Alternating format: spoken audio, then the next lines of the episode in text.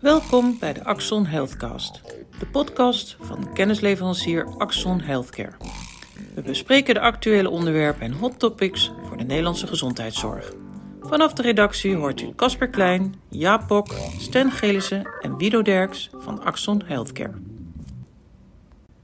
Eindelijk is het zover.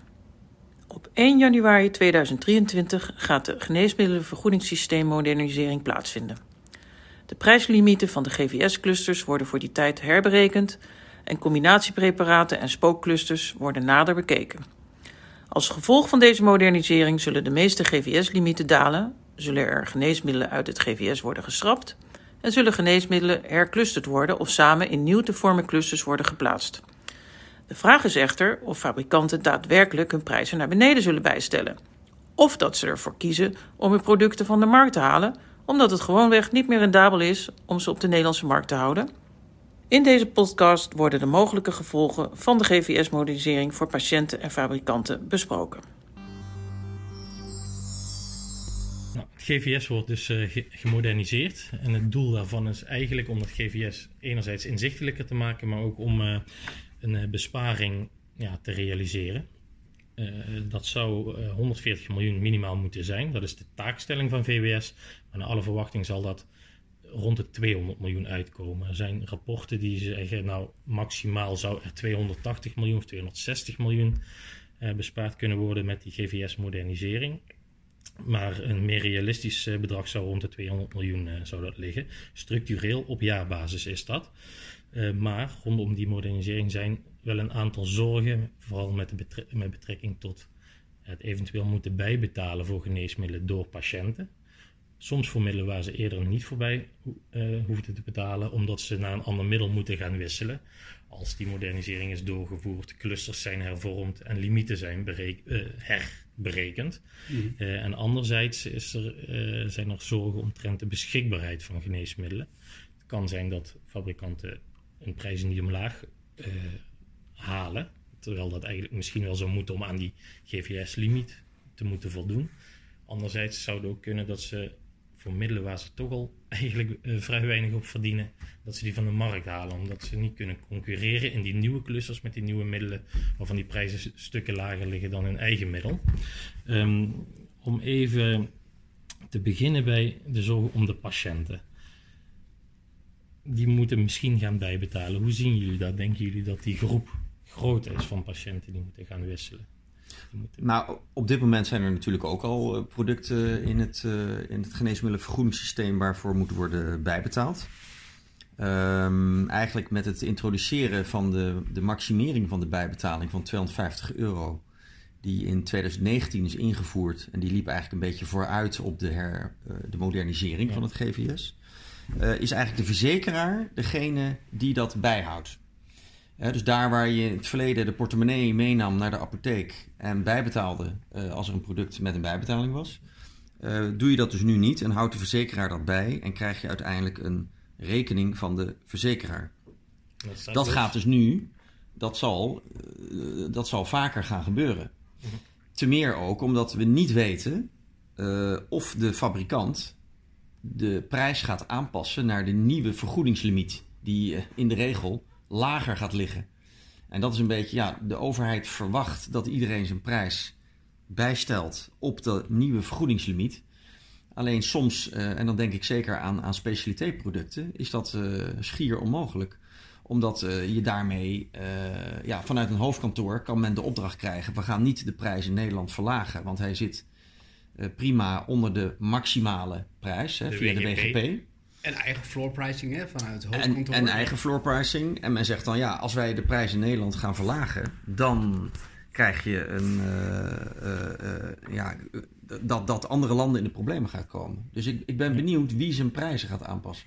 Ze moeten wel onder de WGP-prijs moet je je prijs zetten, Uiteraard. maar je mag boven de GVS-limiet blijven. Zeker. Zeker. En als die GVS-limieten met die modernisering op heel veel clusters zal dat zijn, misschien ja. wel alle omlaag gaat, wordt het verschil tussen de prijs van die middelen groter met de concurrenten in die clusters. Zeker. Nou, als niemand het gaat doen, dan, is de, dan gaat het ten koste van de patiënt. Ja. Dat is de enige die hier nadeel aan heeft. Want die moet bij, eh, bijbetalen tot ja, 250 euro. En dan krijg je, er zullen, er zullen ook wel wat producten bij zijn waarin de bijbetaling eh, forser is. Eh, wat je dan gaat krijgen is dat eh, het niveau van 250 euro wordt dan eh, eerder behaald. En dan moet de verzekeraar het gaan betalen. Dus die zal misschien in de uitkomst van ja, wie gaat zijn prijzen verlagen. Die zal op een gegeven moment ook aan de bel trekken en zeggen: hé, hey, er zijn heel veel eh, eh, bijbetalingsproducten. En wij moeten die kosten gaan dragen boven de 250 euro. Dus daar ligt ook nog een gevaar dat de verzekeraar Ja. op zijn achterste benen gaat En je krijgt het tweede stuk, hè? dus dat, dat, dat een, een ander product in hetzelfde cluster niet die bijbetaling heeft die een, eh, het huidige product van de patiënt wel heeft, waardoor er gewisseld wordt. Ja. Dus dat is het Ja. tweede probleem. Ongewenst gewisseld. Ongewenst gewisseld. En het ene middel werkt soms gewoon beter bij een patiënt dan het. Nou ja, ze zitten niet voor niks bij elkaar in de clusters. Ze Ja. zouden onderling Ze zijn vergelijkbaar. vergelijkbaar, ja, Ja. uitwisselbaar moeten zijn. Maar het kan ook een medische noodzaak zijn omdat iemand. eh dat dat was laatst in het nieuws met eh, reumatabletten. Een bepaalde verpakking is wel makkelijk open te krijgen en een andere niet. En mensen met reuma, daarom is een noodzaak om toch eh, een Ja, de minister heeft gezegd dat er moet sowieso een product in het cluster blijven waar geen bijbetaling voor nodig is. En, en, en, en dat er ook een soort medische noodzaakregeling zou komen. Eh, dat die patiënt wel het product zou kunnen krijgen waar die eventueel voor moet bijbetalen, maar dan zonder bijbetaling, om het makkelijk eh, te maken. Alleen, eh, ja, dat bleek lastig en moeilijk en vandaar dat die regeling eigenlijk vooruitgeschoven is. En, eh, maar goed, de minister Kuipers heeft hem opgepakt en gezegd: we gaan hem toch uitvoeren. Dus ik ben benieuwd ook hoe dat gaat uitpakken. Waarbij hij bij zijn oorspronkelijke idee inderdaad medische noodzaak als een soort panacee, als een soort algemene oplossing ehm, zag. Ehm, daar heeft hij later van gezegd van ehm, dat is toch niet zo'n welkome oplossing en wordt daar heel veel minder van verwacht. Dus Nee. En, en het is ook nu met het preferentiebeleid dat loslaat van deze modernisering, dat soms patiënten ook eens moeten wisselen van Ja. een middel Ja, maar dat is binnen, binnen de stof. eh, nou. binnen de stof. Maar Ja. dan, is, dan mag ook die term medische noodzaak ingezet worden. Ja. En dan blijkt dat er maar heel weinig gebruik van wordt gemaakt. Maar er is maar een kleine goed. groep patiënten Ja. die zegt van ja, ik wil toch dat ene en dan betaal ik ofwel zelf bij, of ze zijn ontevreden dat ze daarvoor moeten bijbetalen. Of ze, krijgen maar een, of ze krijgen een ander generiek eh, middel. eh, ja. Dus misschien is die schade wel te overzien straks. Ja, binnen zo'n cluster is wel Voor iets de anders dan binnen de stofnaam. ja, zeker. Ja, Dat is wel een eh, grote groep. Ja. ja dat gaat straks. eh, Maar ik, ik, weet, ik denk dat, dat weinig patiënten eh, straks eh, begrijpen hoe het straks zit. Ja. Hè? Je, je gaat straks wellicht een, een rekening krijgen van de verzekeraar. En, die- en, de, en let wel, de bijbetalingsfactuur, om het zo maar te noemen, die, die staat los van de eigen bijdrage van 385 euro per jaar. de- het eigen risico. Het eigen risico, ja. Ja. sorry. Het eigen risico. Dus ja, dat, dat de patiënt daar nog wijs uit kan worden, ik ben benieuwd. Nu hebben we het dus gehad over eh, de, de impact op de patiënt. In ieder geval over het bijbetalen voor die patiënt. Voor waarschijnlijk een grotere groep middelen na die modernisering straks. Maar er is ook nog zoiets als de beschikbaarheid.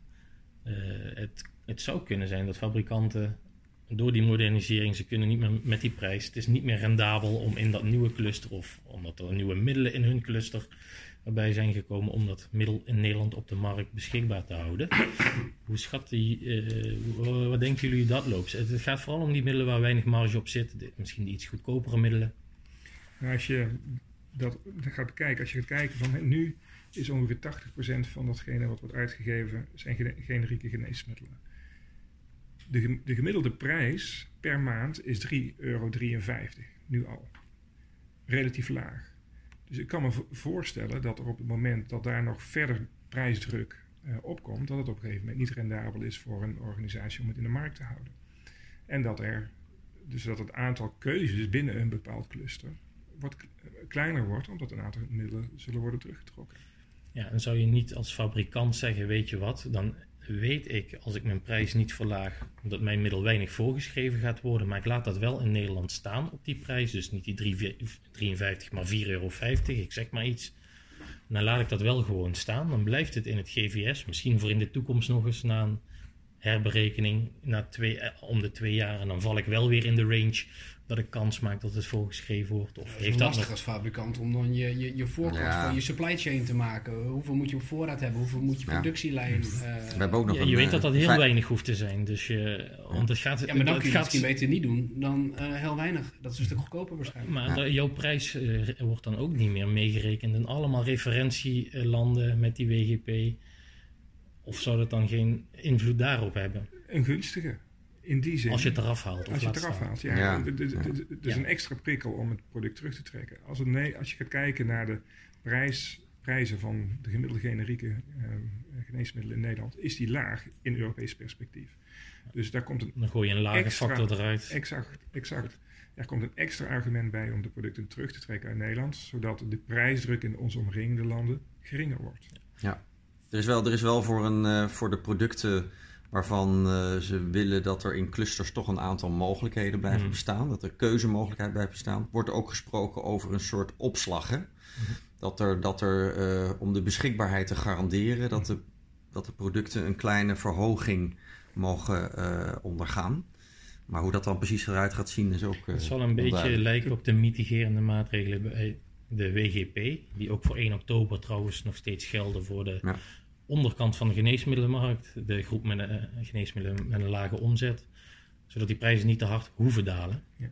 En Maar in, als het gaat over het GVS, hè, die mitigerende maatregel, hè, dat afkappunt wordt nu gesteld op 50.000 euro. Dat is laag. Ja, ja klopt.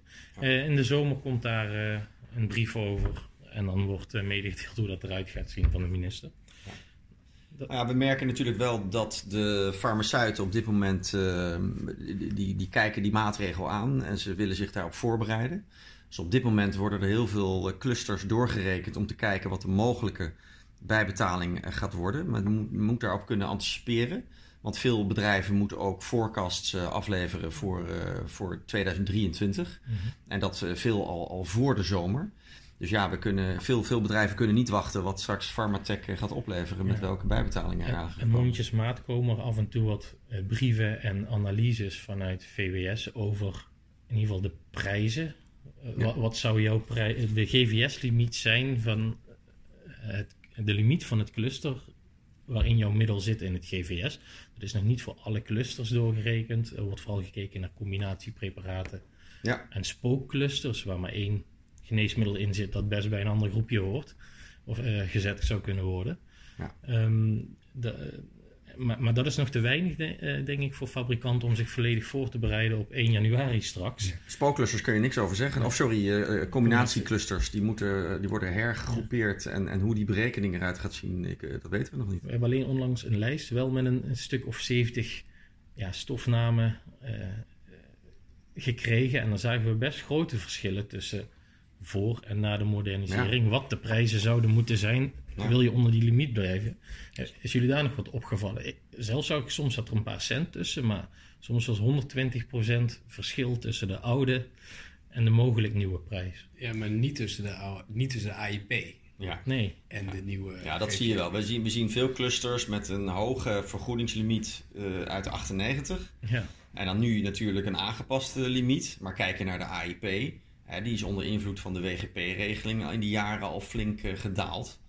Dus dat, uh, dat valt dan soms wel, wel, wel mee. Maar, maar, maar desalniettemin, alsnog zie je veel uh, prijzen die, die nog verder naar beneden moeten. Ja, en hoe kunnen fabrikanten zich daar, daar meer inzicht in krijgen en zich daar mogelijk op ja, voorbereiden? Kijk, de dingen gebeuren gewoon waarschijnlijk. Nou, dus we hebben er al 100 uitgerekend. Ja. Er zijn ongeveer 520 clusters in het hele GVS.